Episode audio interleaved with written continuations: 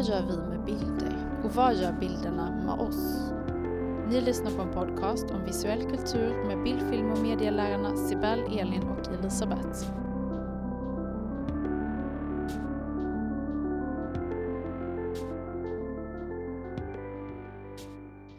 För första gången i Bildpoddens historia så har vi idag en gäst, Marcus Weiland. Välkommen!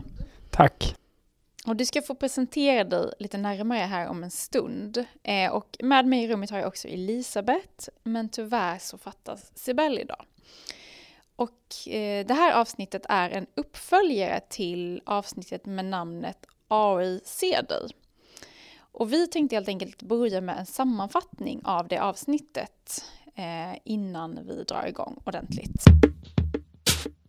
Och det avsnittet kretsade då bland annat kring den här databasen ImageNet som används för deep learning av AI.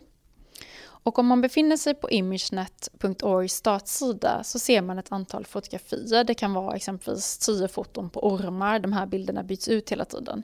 Och under så står det What do these images have in common? Find out. Och så kan man klicka sig runt då bland mängder av fotografier.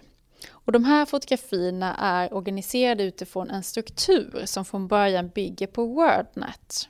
Och WordNet är en databas med engelska ord som är kategoriserade efter de här ordens semantiska förhållanden. Så på ImageNet så hittar man först en överordnad klassificering, det kan vara typ frukt. Och under den här överordnade klassificeringen så finns en individuell klassificering, äppel, päron, apelsin. Och under den här individuella klassificeringen i sin tur, om jag då väljer exempelvis äppel, så hittar jag mängder av fotografier som föreställer äppel.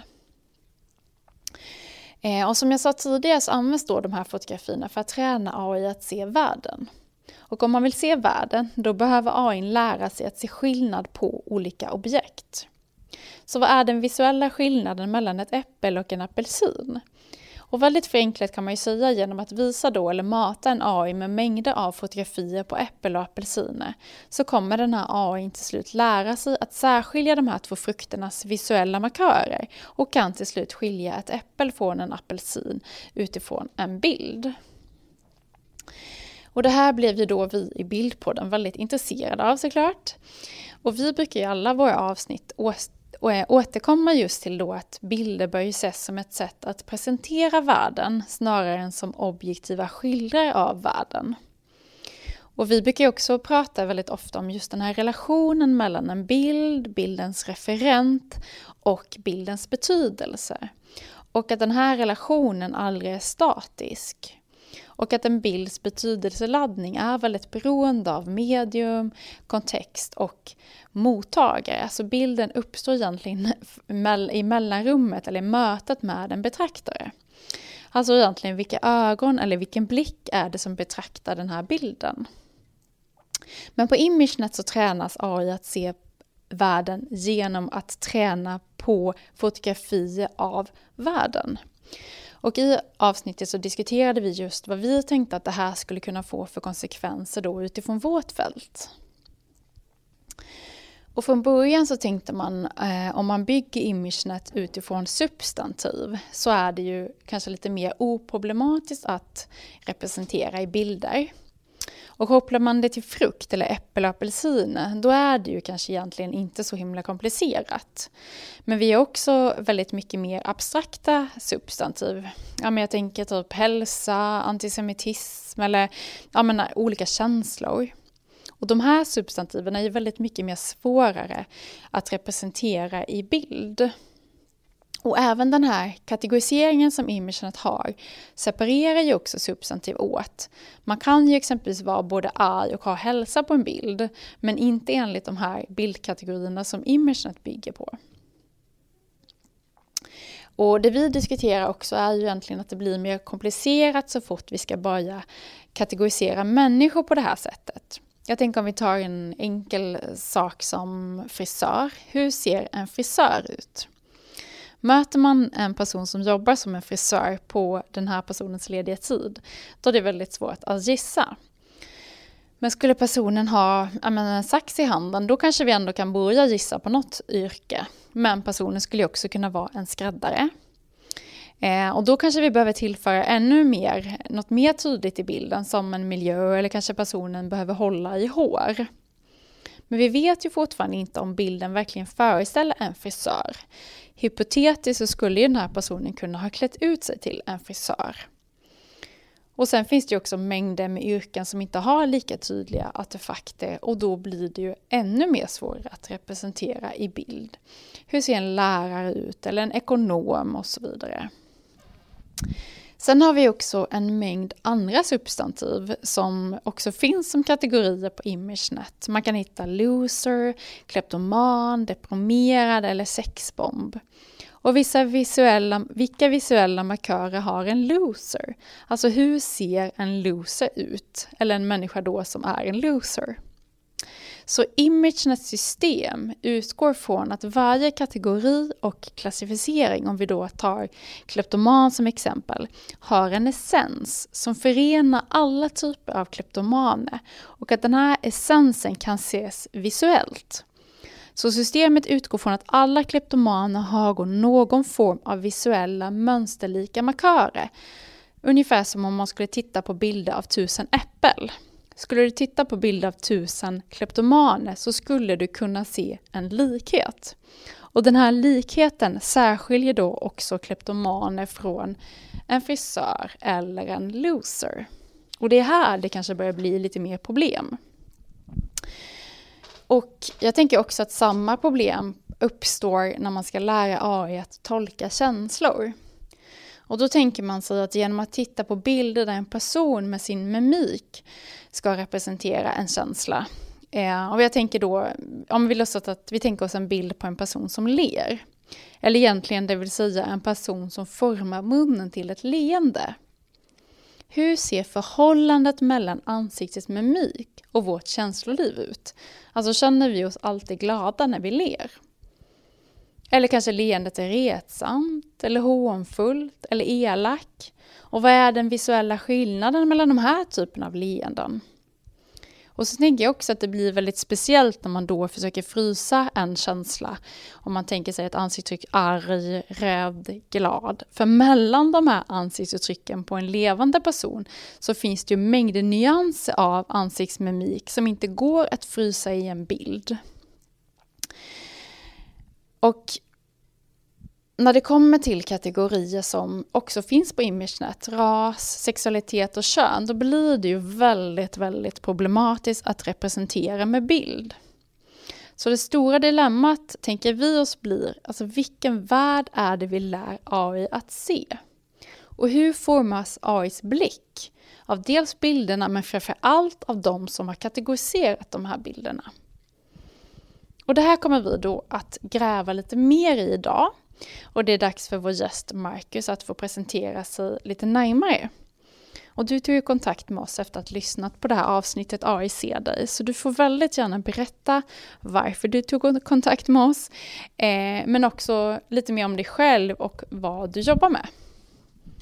Ja, tack så mycket. Eh, jag heter alltså Marcus Weiland och jag eh, arbetar med artificiell intelligens. Det gör jag egentligen på två olika sätt. Det ena som lärare och föreläsare genom ett bolag som heter Curiative eh, som jag själv har grundat för att lära ut om framförallt hur kan man använda artificiell intelligens eh, som företag? Hur kan man få nytta av det här i sin verksamhet? Eh, och sen är jag också vice VD på ett konsultbolag som heter Savantic som eh, också fokuserar på att leverera lösningar inom artificiell intelligens, alltså att bygga system som använder artificiell intelligens för att göra olika saker. Och väldigt mycket eh, av det vi gör handlar också om bilder. Så därför känns det jättespännande att träffa er. Och jag hörde ju den här, eh, eran podd, eh, fick syn på den på Facebook och eh, lyssnade på den och blev jätteglad för att jag brinner otroligt mycket för att eh, det här området artificiell intelligens, att det ska Eh, att fler människor ska ta till sig det och att det inte ska vara en fråga bara för tekniker utan att det ska verkligen bli en bred diskussion i samhället om hur ska vi använda den här tekniken för den är otroligt kraftfull. Det, jag tror att ni sa det i den förra podcasten att det här har liksom samma potential att göra om samhället som internet hade. Eh, och, och då är det ju väldigt viktigt att det inte sitter några teknologer i något elfenbenstorn och funderar på hur framtiden ska bli, utan att vi, att vi har en debatt tillsammans i samhället och att så många som möjligt involveras. Och jag tror också väldigt starkt, eller det har jag sett praktiskt eh, när jag har lärt ut de här kurserna, att eh, tvärfunktionella grupper har mycket lättare att hitta hur man ska tillämpa de här teknikerna och hitta bra liksom, AI-lösningar också. Eh, och därför så var det ju jättekul för jag hör inte väldigt mycket, alltså de, de här världarna som vi befinner oss i är lite olika. Så, så, man hör ju sällan liksom hur debatten låter när man pratar om hur bilder ska tolkas till exempel, eller bildpedagoger och AI-utvecklare kanske inte pratas vid varje dag. Liksom. Så, så därför så blev jag jätteglad och tänkte att det här låter kul. Och vi tyckte det var jättekul att få respons av en lyssnare på det här sättet och också positiv respons från någon som jobbar i branschen med AI för att vi vi hör ju inte till den, utan eh, vi har ju liksom läst på kring det här ämnet och återberättat, eller diskuterat utifrån vår kompetens. Eh, men, men, men just det här eh, att, att mötas mellan branscher kan vi ju verkligen förenas i att vi tycker det är viktigt. Precis, och det, det märktes ju också att ni hade läst på ganska mycket. Så det, och det tyckte jag också var otroligt kul. Att ni, ni hade inte bara avfärdat det som vad, vad knäppt det här utan nu ska vi ta reda på vad är det här ImageNet? Liksom en genuin nyfikenhet. Och det tyckte jag också kändes väldigt kul. Så förhoppningsvis så kan vi prata lite om, om det och kanske reda ut några saker som kan vara missförstånd och, och sen, men faktiskt också ha en, en, eh, en dialog där vi har möjlighet att lära från varandra. För jag tror att det finns, för AI-utveckling finns det jättemycket att lära av de grejerna som ni kan, om hur man tolkar bilder och så vidare.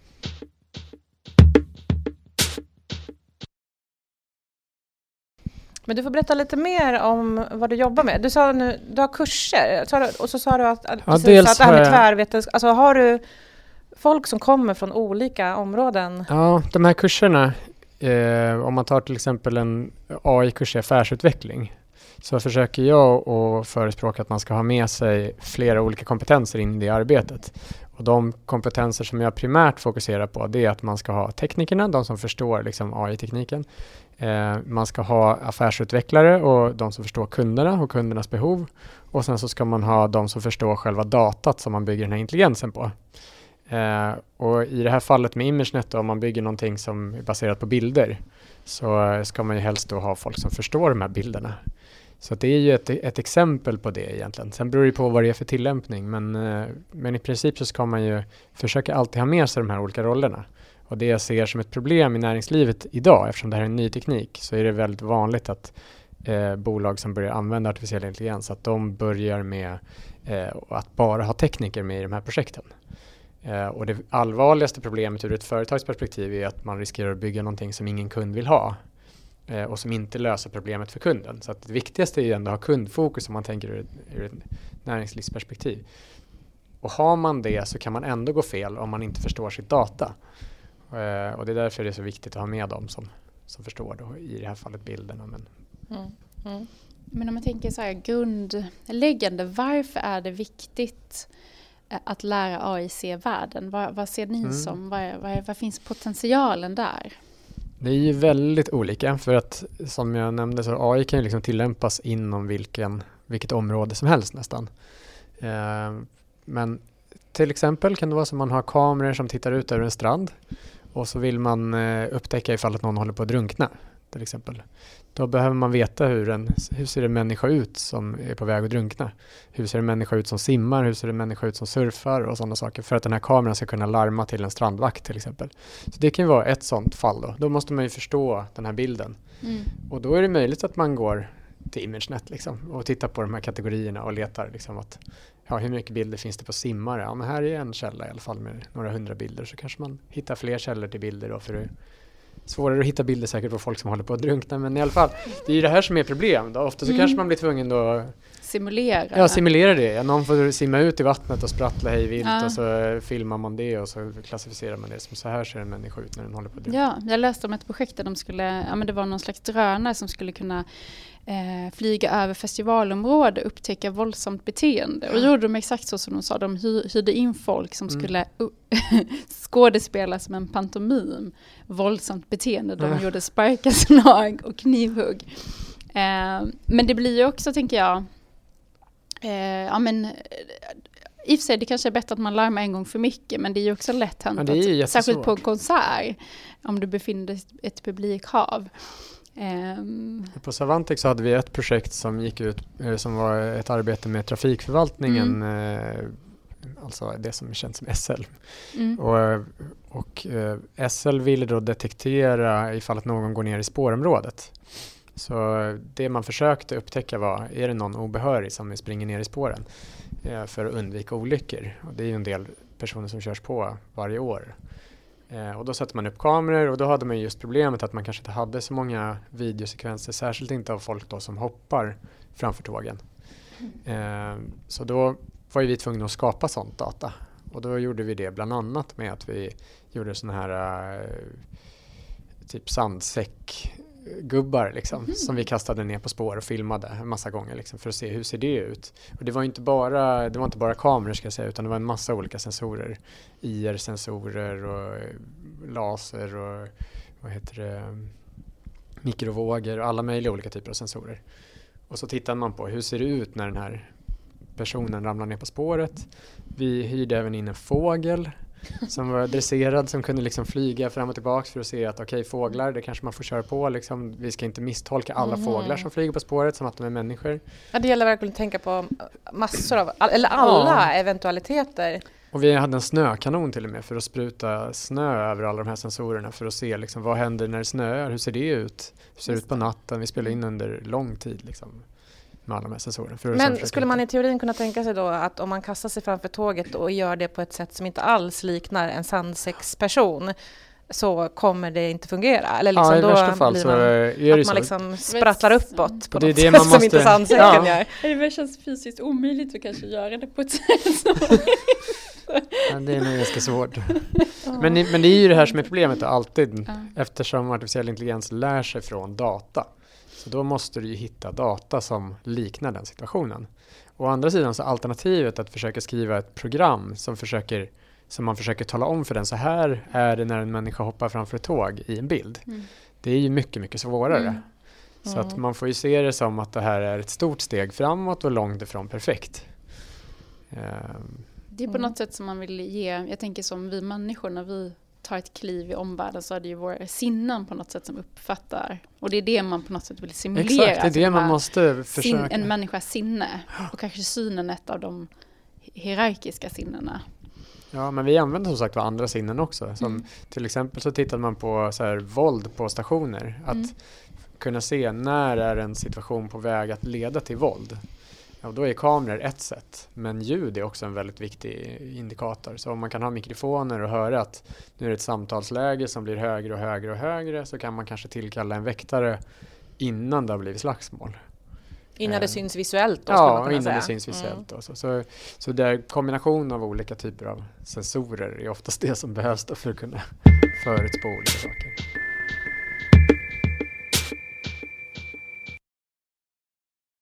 Kan du inte berätta om lite fler just det tillämpningar som Ja. ni gör? För det är intressant att höra. Absolut. Spännande. Det är så mycket När- olika sammanhang låter det som. Ja, när det gäller bilder då så ett eh, annat projekt det handlar om att eh, se hur, eh, alltså när man, man gör prover på patienter eh, för att odla bakterier då som en patient har för att kunna se vilka mediciner är det som fungerar på den här patienten.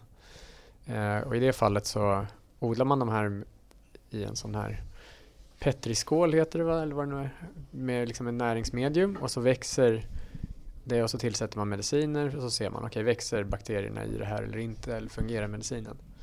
Och då kan man använda kamera till exempel för att väldigt tidigt försöka märka, växer de eller växer de inte? Så att man ska kunna ställa snabbare diagnoser och att man inte behöver ha en labbpersonal som sitter och tittar på den här för att se om det växer eller inte. Så, eh, det har ju en stor potential att man ska kunna slippa behandla med massa onödiga mediciner. Eh, för att man snabbare kan få ett svar. Man kan ju rädda livet på patienter också med det. Så det är också ett sådant exempel. Eh, andra exempel är att räkna vad heter det, olika saker. Det kan vara allt möjligt. Räkna tabletter i en påse till exempel om man ska paketera påsar med tabletter eller mediciner eller räkna eh, celler i ett prov till exempel eh, inom, inom medicinteknik som vi också har gjort och tittat på för att kunna ställa en diagnos. Så istället för att en människa tar ett blodprov och sen sitter och räknar cellerna så kan man ta en bild på det här provet eller man kan ta massor av bilder och så kan man räkna cellerna och så kan man till och med få en bättre diagnos. Och mycket, mycket, mycket snabbare än om människor ska göra det. Så det är ju sådana exempel då på. Men ni kan få uppdrag i, inom eh, vitt skilda discipliner i princip? Ja, precis. Vi har tre, på Savantic har vi tre huvudsakliga kategorier av kunder kan man säga. Det första är inom transport och självkörande fordon och fordonsindustrin. Då. Och där finns det ju även sådana saker som att eh, titta på vad tittar en person på, alltså titta på ögonen med en kamera och se var är ögonen vända åt vilket håll. Eh, vad tittar föraren på just nu? Har den ögonen på vägen eller sitter den och tittar på mobiltelefonen eller någonting sånt? För det kan avgöra för bilen om den ska tvärbromsa eller inte. Eller om den ska larma till föraren på något sätt. Om man är säker på att föraren har sett så kanske man inte behöver larma men sitter den och tittar åt ett annat håll så kanske man måste larva eller bromsa eller göra Lite någonting som sånt. när man har glömt sätta på bältet. Ja, sådana saker. Ja, exakt. För sånt blir ju viktigt när, när man, ju mer bilen tar över uppgiften att köra, så ju, ju mer sådana signaler behövs. Så det är ett område som vi jobbar mycket med. Sen så jobbar vi mycket med industri. Och då kan det vara kvalitetskontroll till exempel. Vi har jobbat mycket med stål, gas och kärnkraft. Och eh, då kan det vara ett stål, någonting som kommer ut ur ett stålverk till exempel och så vill man, eller nu har man tittat på det som människa och letat efter mikrosprickor kanske på den här till exempel. Men nu har vi en möjlighet att göra det med en kamera istället eller med andra sensorer. Och eh, hitta de här och eh, ett annat användningsfall det är att man har en eh, maskin som står och jobbar och gör en massa olika saker. Men man vet inte, man har ingen Eh, man har ingen historik över vad den här maskinen har gjort. Eh, så då vill man försöka skriva ner sig. Den har bankat 36 gånger på det här sättet och dragit i det, den här grejen på det sättet och vad det nu är för någonting. Eh, och då kan man sätta på massa sensorer eller kameror som tittar på maskinen och skriver ner liksom, automatiskt allting som den har gjort. Och det kan vara bra till exempel om man senare upptäcker att den här produkten som vi producerade, den hade ett fel. Då vill man gå tillbaks till hela kedjan och se vad har vi gjort för några steg med den här produkten? Är det någonting i den här processen som vi kan göra bättre för att höja kvaliteten eller minska risken för att vi, det här felet uppstår igen? Så det är sånt som vi gör. Och det tredje området är medicinteknik som jag nämnde lite olika exempel på. Det. Men om man tänker sig exempelvis det här med att en AI ska räkna tabletter. Hur går man alltså rent konkret, hur tränar ni? Vilka typer av bilder behöver man visa för att kunna, mm. liksom, vad är det för olika steg? Ska man räkna tabletter i en påse mm. till exempel så kanske man börjar med att ta en massa bilder på påsar med tabletter i och sen så skriver man ett facit, liksom att den här eh, bilden har så här många tabletter i påsen och den här har så många tabletter i påsen och så vidare. Så har man en jättelång sån här lista på bilder Eh, och så kanske man har extra svåra exempel och det kanske man inte kommer på direkt så här, vad det är som är svårt för en. Men det märker man efter ett tag att man bygger den första och sen så testar man den och räknar tabletter och så märker man när räknar den fel. Hur såg påsen ut då? Så kan man titta på de bilderna. Och då kanske man ser till exempel att den räknar mycket mer fel om det är blänk i påsen och den räknar mycket mer fel om tabletterna ligger på varandra. Och då kanske man försöker att framställa en massa bilder där det blänker i påsen eller där tabletterna ligger på varandra för att få mer sånt data för den att träna på. Eller så kanske man försöker ändra hur fotograferingen gör. Kan vi göra någonting med belysningen eller kan vi eh, sträcka ut påsen på något sätt innan den fotograferas för att inte få blänk. Eller, så det är, det är en sån process, liksom, oftast mm. ganska iterativ process för det är svårt mm. att förutspå vad det är som kommer att bli mm. problem. Man gör ganska enkelt först och så ser man vilka problem som uppstår. Ja, oftast och... är det det bästa sättet. Hur många är ni när ni, alltså hur många är ni liksom i, i Vi är 20 på, på Savantic då. Men, men, men i ett uppdrag, eller väl olika kanske? Ja, alltså hur många ni är liksom, som jobbar kring men Oftast viss... är det en till tre ja. Har ni hamnat i liksom att ni har haft någon, något uppdrag där ni känner så här, oj, här saknar vi kanske Ja men just att det saknas kunskap eller någonting. Ja, oftast försöker man ju få kunskapen från kunden. Alltså om man nu tittar på bilder på en produkt som kan ha sprickor i sig. Då vill man ju verkligen förstå så här, vad är det för typ av sprickbildning som kan finnas? Hur ser sådana här sprickor ut? Och vad tittar du efter när du sitter och tittar visuellt eller okulärt och liksom försöker avgöra om det är en spricka. Så då måste man intervjua folk Eh, och ofta så kan det vara så att de tittar på massa saker som de inte kan sätta ord på. Alltså det är in, en intuitiv process. Eller de kanske, det kanske visar sig att de faktiskt inte bara tittar utan de också känner eller andra sådana här saker. Så det är oftast en, en upptäckande process, alltså det var en intervjuprocess egentligen för att försöka förstå de här problemen. Och ofta kan det vara så också att det här är saker som inte faktiskt går att göra med AI. Utan att man istället får bygga något stödsystem till exempel. Säg det här med tabletter att en påse av hundra har fel antal tabletter i sig. Men ibland så räknar AI fel och därför så säger den istället att en människa ska titta på de påsarna. Säg att den kanske, två, den kanske hittar alla som är fel men den hittar också några som är rätt som den tror är fel. Och då ber man en människa titta på dem, liksom, kolla på påse 98 och så är det en människa som bara behöver titta på dem som skulle kunna vara fel. Och så har man snabbat upp processen. Då.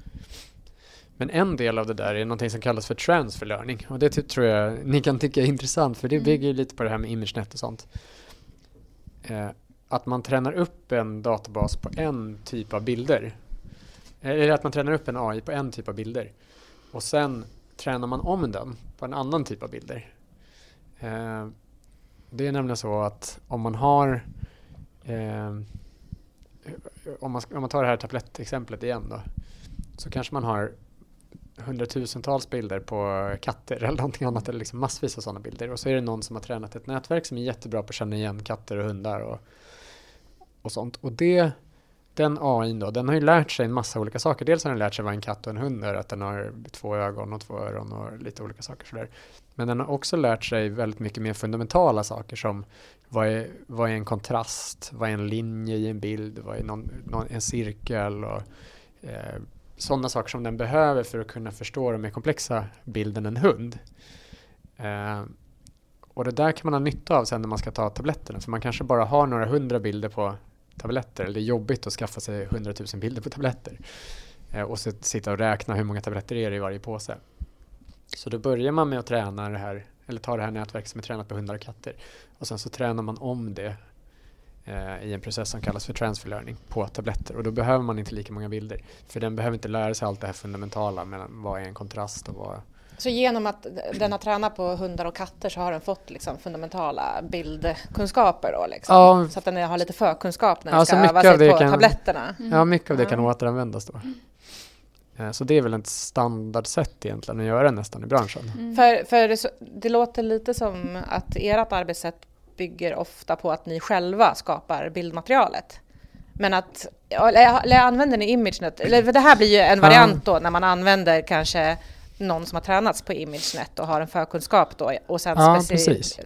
Och det är ju det som är de potentiella riskerna som ni också pratar om. Att, i, I fallet med tabletter så är det väldigt svårt att se några stora risker mm. kopplat till det här. Att den har, Normkritik, maktkritik. Det, det, är liksom svårt, men om man eh, tänker sig att man vill identifiera de här simmarna till exempel och de som håller på att drunkna, så skulle det vara så att man har tränat det på ett datasätt där det inte finns några mörkhyade simmare till exempel.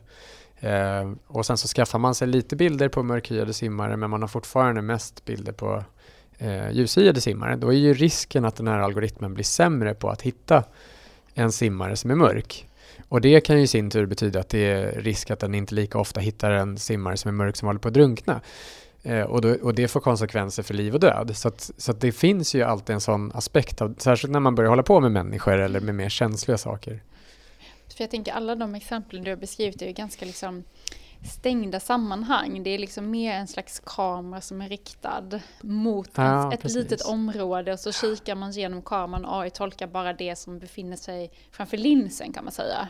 Så då blir det precis. kanske inte heller samma liksom, problematik utan det är mer då snarare eller en framtid när man kanske då jobbar mot någon slags superintelligent, där AI blir ett eget subjekt. Då kan det ju bli ett, ett, större problem om vi tränar en viss typ av blick eller en viss typ av seende som sen kommer liksom the male gaze eller the white gaze följer med liksom.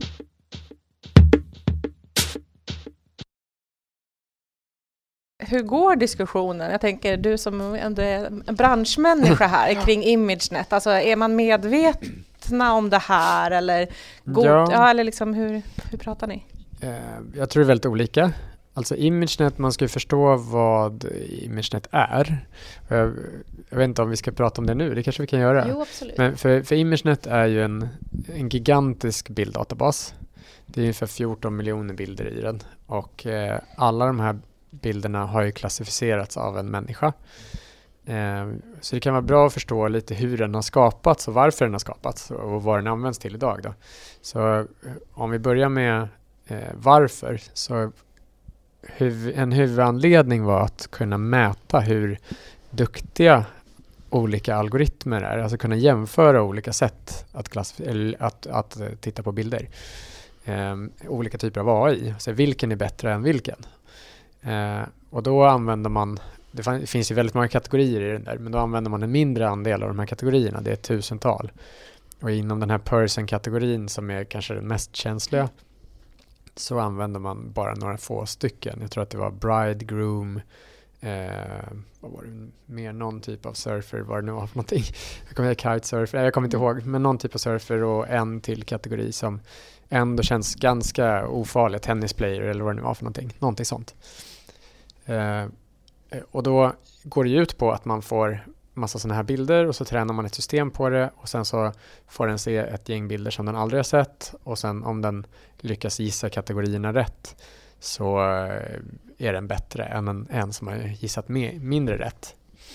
Eh, och i det sammanhanget är det inte så känsligt om det är konstiga saker i det här datasättet för att det är, det är mer för att hitta ett mått liksom. Så är, det, är den ena AIn eller om det är så till exempel, du har en, en bildkategori där som har väldigt dåliga bilder i sig. Bilder på äpplen fastän det var ingen bra bild på äpplen eller det var bara gröna äpplen och sen så kommer ett rött äpple när man mäter på hur det har gått. Då, ehm, då gör inte det så mycket för det är lika för alla. Liksom. Så att det var ett stort syfte med att skapa den här äh, bilddatabasen. Bara se hur AI kan liksom ja, att kunna mäta. På något sätt. Ja, alltså kunna, kunna mäta. Inte att den inte vad, vad den gör, utan Nej, inte att, egentligen den, att den kan. Typ ja, så. precis. Och mm. framförallt för att kunna jämföra algoritmer. För det är jättemånga forskargrupper som försöker komma på smartare sätt att bygga de här AI-algoritmerna. Som ju sen används Alltså man kan ju sen läsa då om, okej, okay, så här byggde de AlexNet till exempel som blev väldigt känt. Vad är det för någon? Eh, det är en sån som gjorde ett genombrott. Det var den första som använde deep learning för att försöka göra det här eh, klassificeringarna. Och den blev mycket bättre det år, det var 2012. Den fick mycket bättre resultat än alla andra som var med i den här tävlingen och tävlingen är varje år. Då, så. Och då kan man ju följa liksom, hur går utvecklingen inom det här forskningsområdet. Och det är väl huvudsyftet då med den här eh, med, med ImageNet? Med ImageNet okay. ja. eh, men ImageNet är ju också för att de här algoritmerna kräver så otroligt mycket data.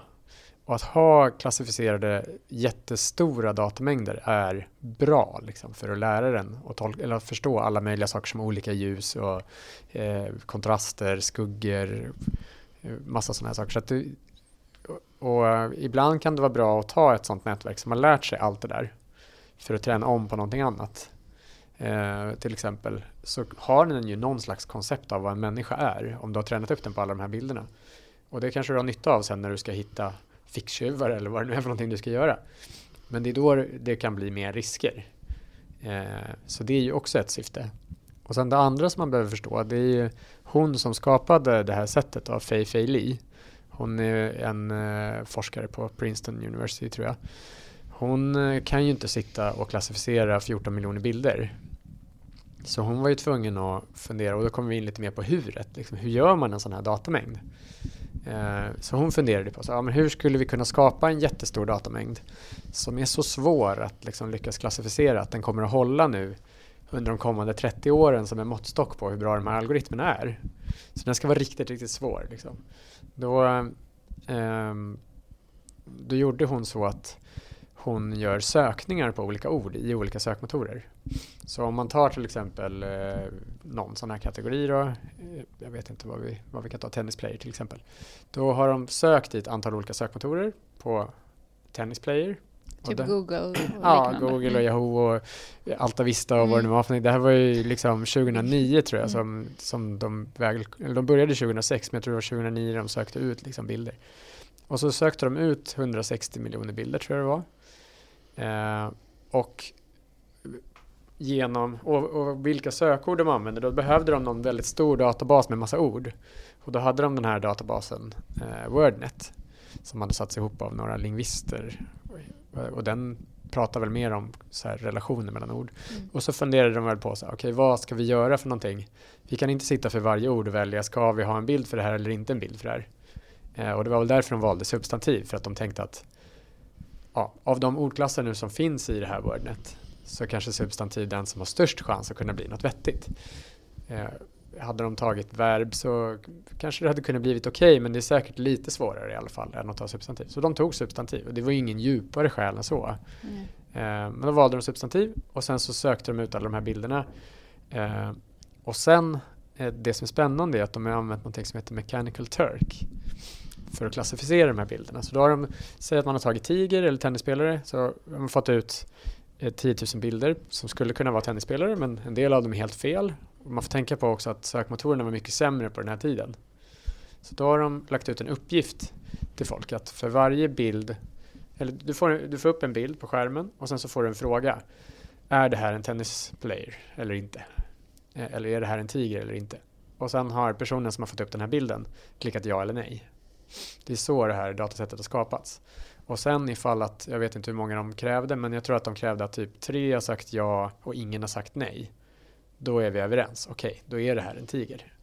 Eh, och då får den vara med i datasättet under kategorin tiger. Så att när man hittar de här lite konstiga, det är ju ganska få bilder oftast i de här konstiga kategorierna. Ja, nu har de tagit bort också så att man inte ens kan ladda fram Nej, dem. Men då är det tre som har klickat ja, det här ja. är en loser. Ja, precis. Och det är det det betyder ja. då. Och de har ju kanske fått se 10 000 bilder liksom. Och det var eh, några av dem som, som de faktiskt råkade tycka likadant då. Men ställs frågan Ja, frågan har ju stått varit så ja. ja. Eller så kring en bild. Liksom. Ja, de har fått upp den här bilden och så är det Does this picture contain a loser or not? Liksom. Och så får du liksom svara ja eller nej. Och en del kan det där vara att folk tycker det är roligt. Man ja. vet inte alls vad anledningen är till att någon klickar ja. Eh, men det är naturligtvis problematiskt då att man får in lite sånt där skräp. Men det är så förhållandevis ändå ganska lite skräp i det där datasättet. Så, att, så de har väl som forskare då tyckt att ah, men det kanske är okej. Okay, liksom. det, det, gör inte så mycket när vi ska jämföra algoritmer med varandra. Det känns ju lite som att kategori, kategorin person, alltså när det kommer in på människor, att den har liksom slunkit in lite på ett hörn här i slutet och ja men lite som du säger att ja, jaha, ja, vi, vi, vi låter det gå, vi ser, testar här. Och nu, nu läste vi ju att de har, det har försvunnit, den kategorin. Ja, eller man kan inte, man kan inte se det online längre. Men Nej, precis. I januari så, vad heter det, i år, mm. så gick de ut, eller det, det, hon är med där också, Fei Fei Li, hon mm. som har mm. startat det här från början. Hon har ju varit medveten om det här problemet. För jag tänker en annan fråga bara som jag, du sa att de sökte bilder på nätet. Det betyder att jag skulle kunna hamna i ImageNet ja egentligen. Och de har ju ingen upphovsrätt Som en till slatt eller en loser. ja, kanske. I princip. Om, du kommer, om ditt namn skulle kunna komma fram liksom, ja. när de söker på det ordet. Då. Om det kommer fram i Google så är det väl ett problem i sig. Då kanske man inte tycker det är så roligt. Men, eh, men i alla fall om ditt namn skulle komma fram när man söker på tennisplayer så skulle så skulle du Men om jag söker på där. image, om jag skulle söka på image, ja just det, om jag, ja, nu förstår jag vad jag menar. För den här, det var ju så de hittade alla bilderna. Så någon annan har vad ska man säga, klassificerat på nätet som en bild av en loser och då söker de på loser, då dyker den bilden upp, då tar de den bilden. Ja, så det är någon, så det, så det ska ju vara två lager sortering egentligen. Exakt, det är Om två jag blir ovän med dig och, och lägger upp en bild på mig, loser, och så hamnar jag på ImageNet ja. som en loser. Ja. Ja, det är äh, väldigt... Så de, de bilderna, eller de har ju egentligen använt det olovandes kan man säga. Eller ja. vad har vi för premisser egentligen? Med...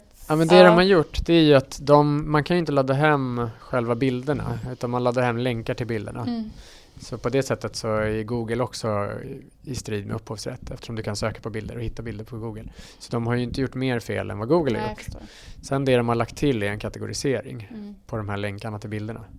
Mm. Så det är så de har jobbat. Och det de gjorde i januari det var ju att de tog bort nu kan man bara ladda hem de här tusen kategorierna som används för tävlingarna.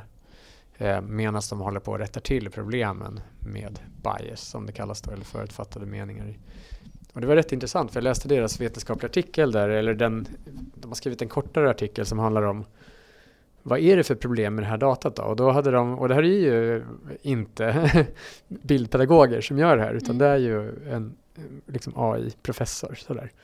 Så det är ju rätt intressant att se vad är det de skriver. Eh, och det var ett helt gäng forskare som var med på det där, men de hade identifierat tre typer av bias i de här bilderna. Den första typen av bias var eh, kategorier som eh, helt enkelt eh, är olämpliga. Eh, och det var en ganska stor andel sådana kategorier, särskilt eftersom de har synonymer.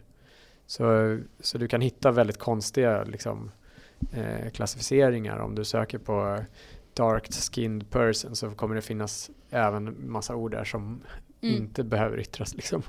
Mm. Eh, och, och, så, och de har tagit bort alla de kategorierna. Så att, och där klassificerade de dem i, i, tre olika steg tror jag.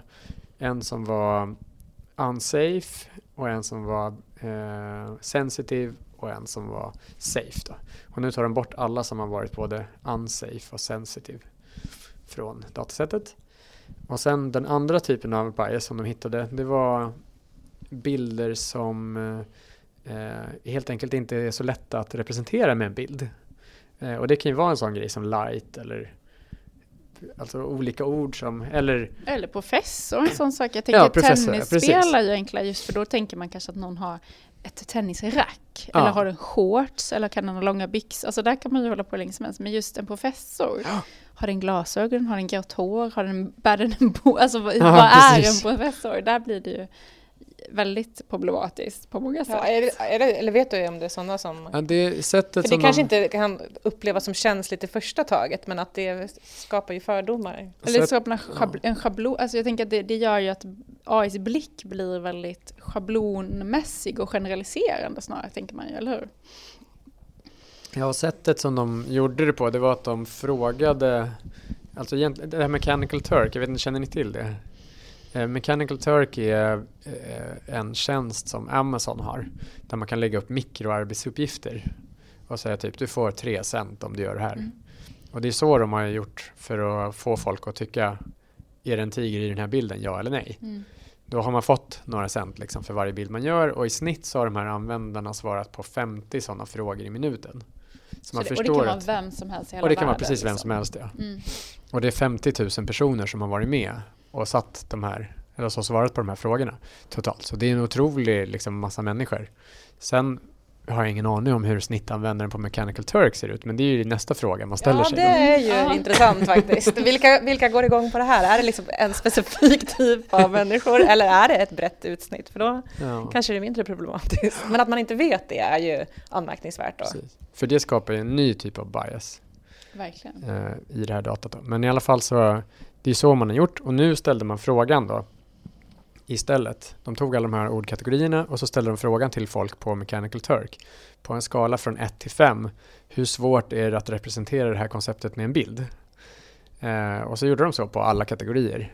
Och så har de liksom fått in svar och nu, jag tror faktiskt inte att de har tagit bort några bilder på grund av det här. Men däremot så har de lagt till den här siffran så att man själv kan välja, okej okay, jag vill inte ha kategorier som är helt omöjliga att representera och då kommer kanske professor att få högt på det där. Det vet man inte, det beror på hur de här har tänkt, de som har... De som tittar. Bra, en bra frågeställning tänker jag, men eh, då blir det ju återigen vilka svarar på det. Mm. För att så här, kärlek, är det problematiskt? Så bara, nej, man kan rita ett hjärta. Om man jobbar som mm. bildlärare så vet man ju liksom att tema kärlek så får man så 25 hjärtan och så bara, bra! Och jag menar, det, bara, det, blir tydligt ja, men ganska det är bara platt. bildgoogla professor eller muslim mm. eller kristen jätte, så får du upp ungefär Då kommer man in på här skyltsystemet liksom, som ja. är lite stereotyper eller mm. ja, men som blir tydligt också i så här, eh, turism. Liksom. Ja, men hur ska vi lansera Sverige eller Mexiko? och så bara yes, vi tar den här hatten eller den här. Mm. Att eh, det blir tydligt men det blir ju fruktansvärt eh, eh förenklat och stereotypt på ett farligt sätt. Liksom. Exakt. Och det är den tredje typen av bias som de identifierade då. Den första typen var ord som helt enkelt är olämpliga och den andra typen är eh, det som inte går att representera så lätt med en bild. Och den tredje kategorin det är det som de kallar för eh, obalanserad data. Till exempel så om du söker i en sökmotor på banktjänsteman så kommer du säkert hitta flest män. Eh, och säkert om du bara tar liksom de första hundra bilderna så kanske det blir eh, vad heter det, extra mycket män, liksom ännu mer överrepresenterat med män än, vad det, än hur det ser ut bland banktjänstemän till exempel och sen det andra problemet är ju när i de här klassificeringarna. För att du måste ju få de här tre personerna att, att eh, alla trycka ja, det är en banktjänsteman när de ser bilden. Eh, så det räcker ju med att någon av dem tycker då att nej, men det här var nog ingen banktjänsteman. Eh, för det var ju en kvinna. De kan inte vara banktjänstemän. Eller Nej. någonting sånt. Och då har du ju diskvalificerat den bilden. Så att du har hela liksom, arbetssättet har ju en tendens att ta fram väldigt stereotypa bilder. Ja, och också den ledande frågan. För får man en bild på en person så kanske man inte direkt bara åh, banktjänsteman. Nej. Men om du ställer frågan, är det en banktjänsteman? Ja eller nej. Ja, då kommer ju det liksom mycket snabbare. Och sen också jag tänker på om man skulle säga svensk liksom. Eh, om jag fick se en slumpmässig bild och så sa den det här är en svensk så skulle jag förmodligen svara nej.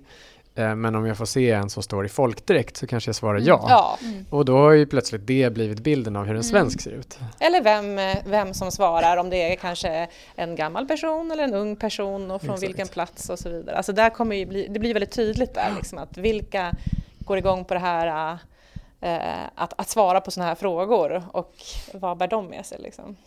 Så nu hade de analyserat de här bilderna i alla kategorier och eh, använt några olika sätt att klassificera för att se till exempel hur mycket är män och hur mycket är kvinnor inom varje kategori, hur mycket är, jag tror de hade några olika kategorier, eh, mörk, hyad, svart och vit eller någonting sånt och då använder de någon standardskala som de har i USA för att avgöra hudfärg liksom. Och eh, sen hade de klassificerat också ålder eh, för att se så här. Och, då, och så har de släppt ut, eller det här kommer komma i den här artikeln som kommer så småningom då, där man kan titta på hur ser fördelningen ut, är det representativ eller Mm, inte och man kan börja analysera det. Så att Mm. det, de är väldigt medvetna om problematiken, särskilt eftersom det här ImageNet har blivit så extremt populärt och Mm. stort. Den här tävlingen är jättestor så inom AI-världen. Då. Så, så det är bra att de tittar på det här i alla fall. Men det är fortfarande så att det är på något sätt liksom AI-ingenjörer som sitter och tittar på det här.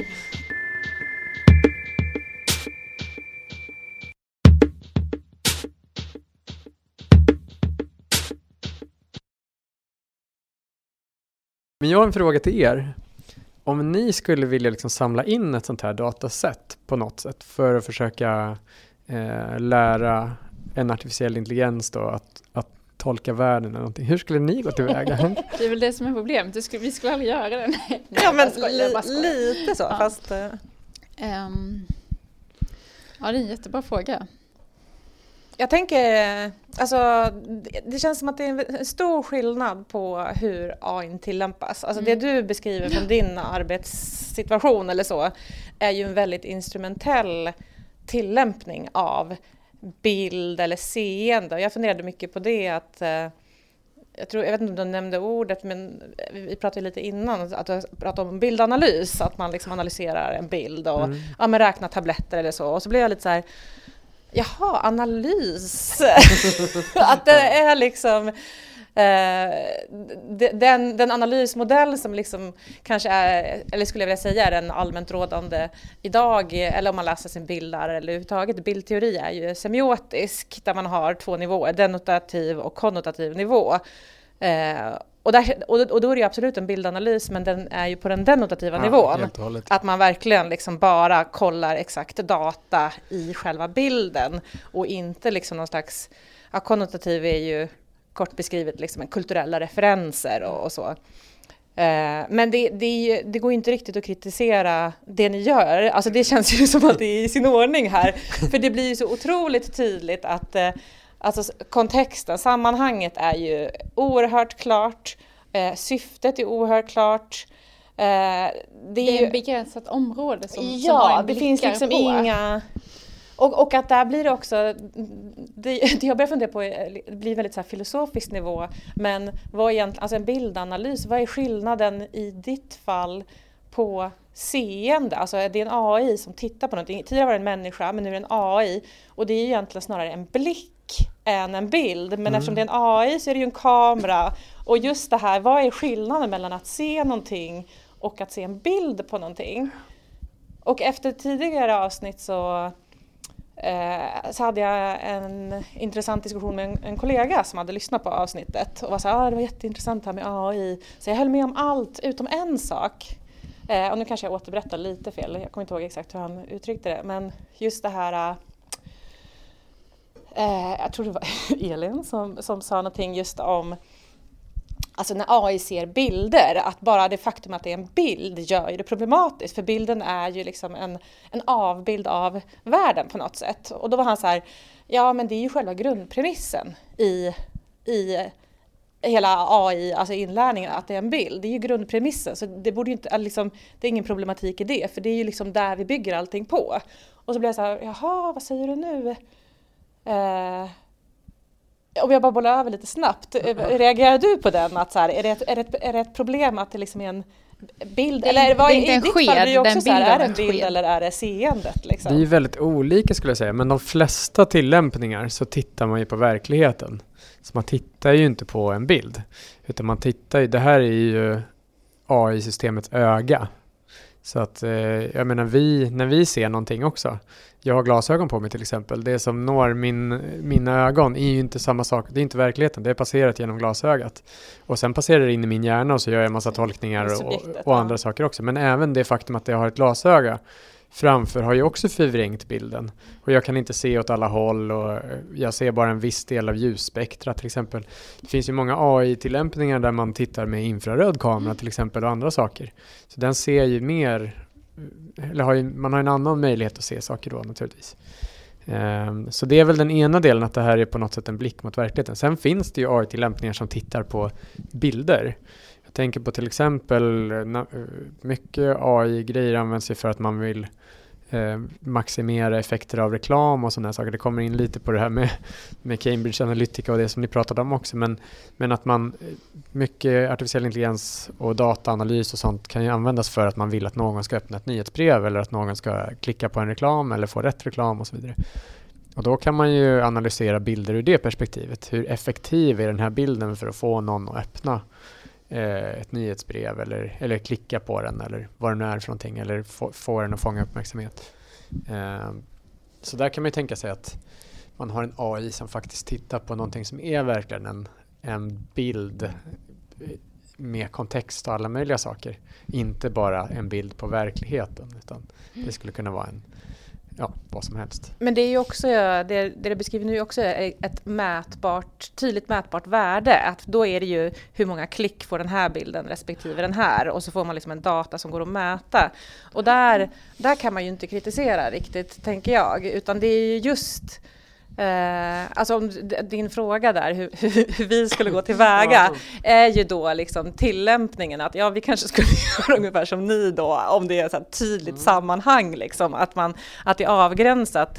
Det som blir intressant, tänker jag, och också oerhört komplext och svårt, det är ju när man liksom vill ta upp det på nästa nivå, eller som jag tänker är liksom hela AI-världens högsta dröm, liksom att skapa den här intelligenta varelsen, eller vad man ska säga, den här artificiella intelligensen som är eh, närmast ett subjekt som man kan komma. För då kommer vi in i det här att vi börjar frikoppla. Då är det inte bara en kamera som är riktad mot exakt det här industrimomentet eller den här påsen med tabletter, utan då kanske det är just att man möter den här bilden av påsen med tabletter i ett annat sammanhang och där blir det ju komplext. Att okej, okay, vad är det här för sammanhang? Vad är det för kultur jag rör mig i och vad är det för någon, är det någon text bredvid som samspelar med den här bilden? Står det ta det röda eller det blå pillret? Jaha, det syftar till Matrix, den här filmen som gjordes då, mm. alltså hela det där liksom som handlar om att vara ett ett subjekt i en värld. Och där börjar man ju mm. backa mm. lite att hur gör, hur gör ja, vi här? Ja, nej, men jag, jag börjar också tänka inför avsnitt mycket på just blicken eller seendet kopplat till min son som är sex år. Och seendet är ju som sagt, som vi har konstaterat, en kroppslig funktion och det kan ju vara som en kamera eller en lins. Och han ser ju saker hela tiden som han inte förstår, mm. både på tv och i verkligheten. Eh, och just att det blir så tydligt det här med att att seendet är någonting vi lär oss, att det är liksom en konstruktion och så berättar jag för honom det du tittar på är det här. Och så mm. på så sätt så för jag ju vidare liksom kunskap och erfarenheter, men jag färgar ju också hans blick på ett väldigt tydligt sätt. Vi börjar ju så, liksom, lampa, ja, lampa. Exakt, exakt. tända och släcka. Ja. Tydliga också, substantiv, liksom. där går det bra. Ja, men jag tänker också så här, min blick på platser eh, som jag aldrig har besökt. Eh, Barbados är ett exempel. Vi brukar, jag har aldrig varit på Barbados men jag har en ganska tydlig bild av hur det ser ut på Barbados genom de fotografier jag har sett eh, eh, eller hört berättelser om då Barbados. Så att, ja men det finns ändå någonting här som Det känns... finns en likhet. Alltså det, det som skiljer det från ett program är ju att den har lärt sig från data. Mm. Och har den lärt sig från bilder så, så blir det ju lite, den får ju samma bild av Barbados som vi har Mm. om vi aldrig varit där. Sen när man har varit där så blir, får man en mer nyanserad bild. Så, då kommer Annas sinnen in också. Ja, precis. Men jag tänker det här förändliga också, att just en, en bilds betydelse är ju aldrig statisk, utan den kan ju, den kan ju förändras beroende Mm. på kontext och sammanhang och användning och hela den biten. Och om man då tänker att man strävar efter en AI som ska kunna liksom läsa av världen, så blir ju det problematiskt att hänga med. Vi har i tidigare avsnitt pratat om till exempel så här meme-kulturen på nätet och till exempel den här seriegrodan Peppe the Frog som Mm. har blivit klassificerad som en hatsymbol. Eh, och då om man skulle lära en AI, då kanske liksom, ja det är en groda, det är en seriefigur, den har den här attityden och så vidare. Att, men ska man hänga med, jag tycker det blir tydligt liksom, i, i, ja, om man kallar det internetvärlden då, liksom, att det är så förändligt och snabbt och tillämpning och vilka använder det till vad. Att hålla en AI uppdaterad då, alltså i, från min föreställningsvärld, då, då skulle ju det liksom bygga på att det sitter en AI-utvecklare och liksom dagligen på något sätt Mm. uppdaterar för att den här AI ska kunna hänga med. Jag vet inte riktigt. Ja, eller man får väl tänka sig att, för tänk på Spotify till exempel. Det är en AI som sätter ihop Discover Daily eller Discover Weekly och liksom Ja, det är eh, därför det är så dåliga spellistor. rekommenderar. ja, men Den, den, är ju baserad Ja. på data. Och där har man ju ett typexempel på där saker och ting förändras. Alltså gillar man 60-talsmusik Mm. då kanske man kan få samma rekommendationer om och om, och om Mm. igen för den ändras inte. Eh, men om man lyssnar på modern musik så går det ju inte för den här AI att tränas upp på hur alla användarna har lyssnat och sen that's it, nu är vi färdiga, nu ger vi rekommendationer för alltid här baserat på det här. Utan där måste man ju verkligen titta på hur, och det är ju ingen utvecklare som sitter och uppdaterar de här algoritmerna utan det är ju en algoritm som tränas om hela tiden. Just Så tittar den på de två senaste veckorna, vad har folk lyssnat på då? Och så försöker den hitta då, eh, vem är lik vem? Liksom, ja, Marcus och Elisabeth har lyssnat på liknande musik, då kanske Elisabeth är intresserad av även den här låten som Marcus har lyssnat på och som inte hon har hört. Eh, och det gör ju att den blir automatiskt trendkänslig. Och jag tänker, skulle man ge sig på ett sånt här bildtolkningsproblem, Mm. eh, till exempel vad betyder en bild? Eh, det kan ju vara även i tekniskt sammanhang, typ så här, vad betyder en bild i ett patent? Eh, och- och försöka tolka det och liksom, är det här ett bra patent eller ett dåligt patent? Baserat på att man tittar på bilden och läser texten och försöker förstå kopplingen mellan bilden och texten. Det, är- då har man ju redan kommit till något som är mycket, mycket svårare än att bara titta på en bild och säga är det en tennisspelare där eller inte? Mm. Eh, Eller är det ett glas mjölk eller en vit maktsymbol? Som Ja. ja. tydligt.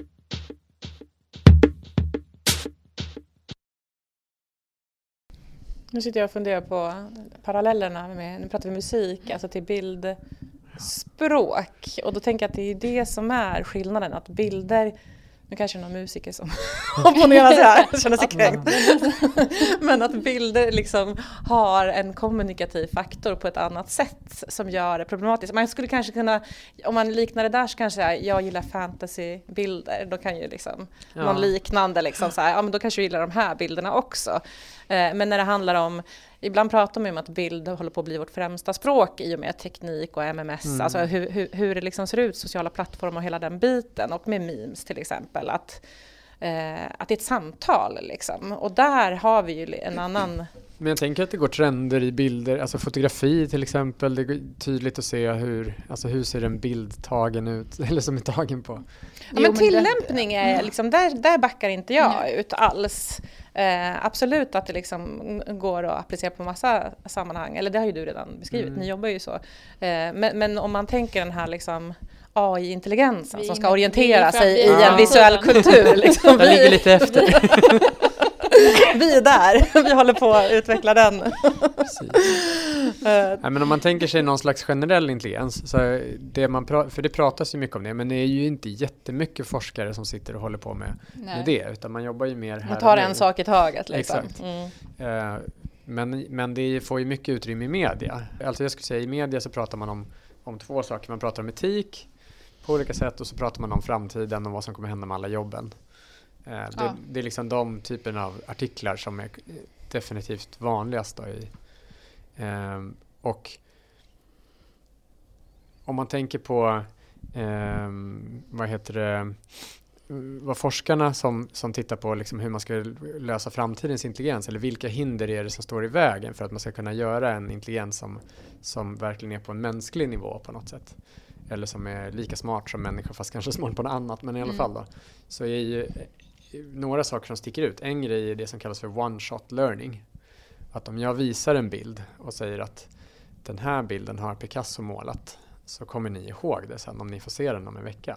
Ja just det, det är den där Picasso-bilden. Och, och ni kanske till och med kan ändra er bild av vad Picasso var om ni får se så jaha, målade han sånt? Det hade jag ingen aning om.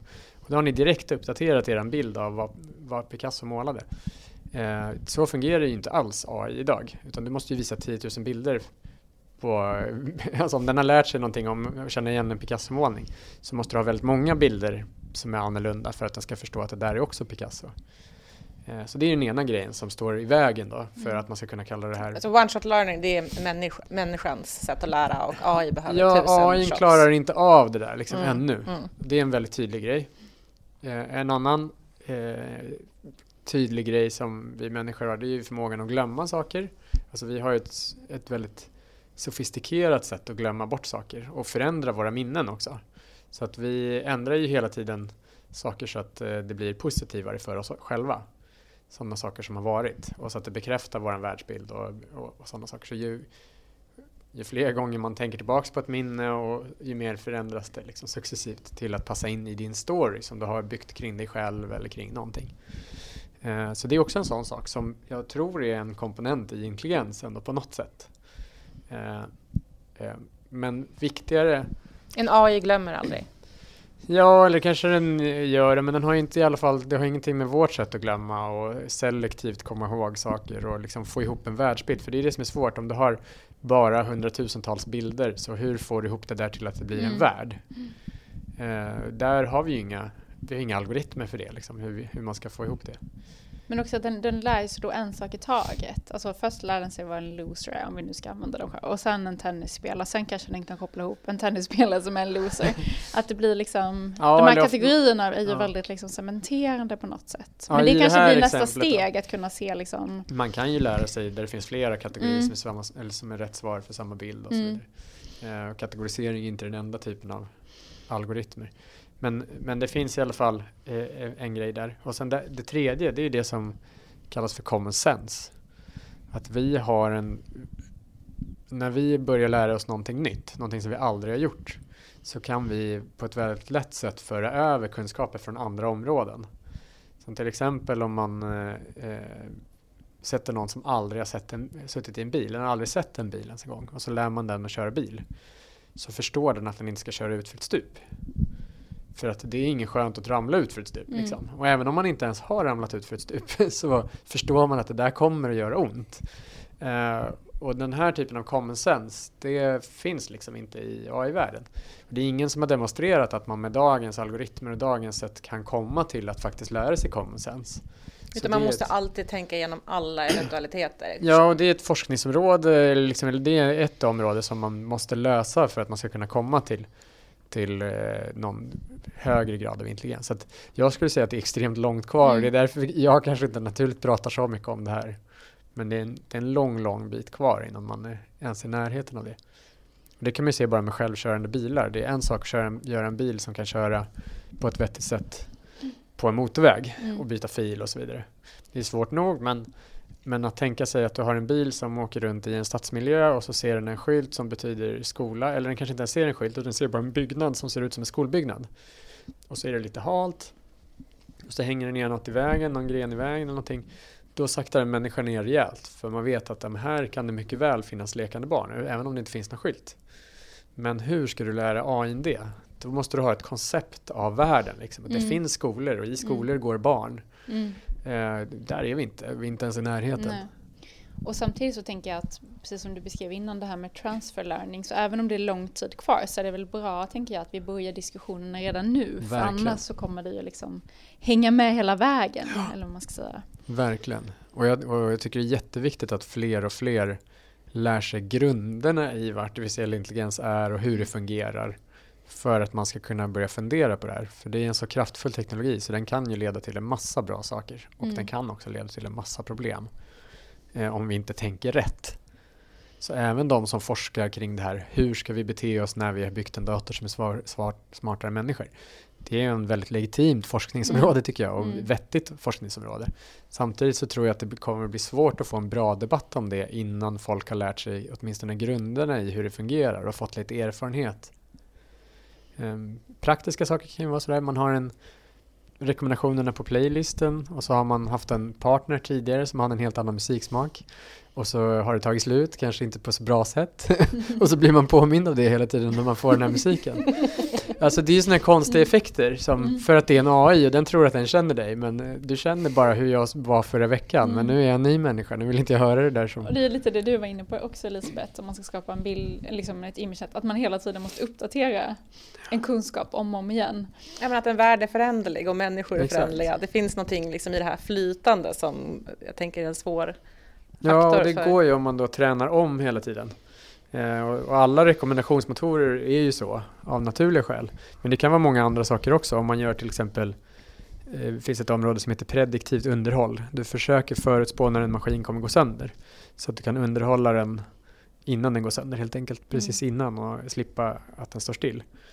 Det kan man ju tycka så här, ja det låter ju väldigt tekniskt och enkelt och tänk att du har en kamera som tittar på maskinen och den står och håller på där och sen börjar den låta konstigt eller någonting och så, ja, då ska vi gå ut och serva den. Men även i ett sådant område så kan det vara så att data blir gammalt. För maskinen har kanske flyttats eller belysningen bytts ut i fabriken eller eh, man börjar använda den på ett annat sätt eller andra saker. Så även där så liksom ruttnar det här gamla mm. data till slut och man måste börja skaffa sig nytt nya bilder och träna om den och så. Så det är svårt att hitta applikationer mm. där, där bilderna aldrig blir gamla. Då måste man liksom scanna av, varje kväll ska man av hela liksom nyheten och allting och så matar man in hundra nya losers. ja, precis.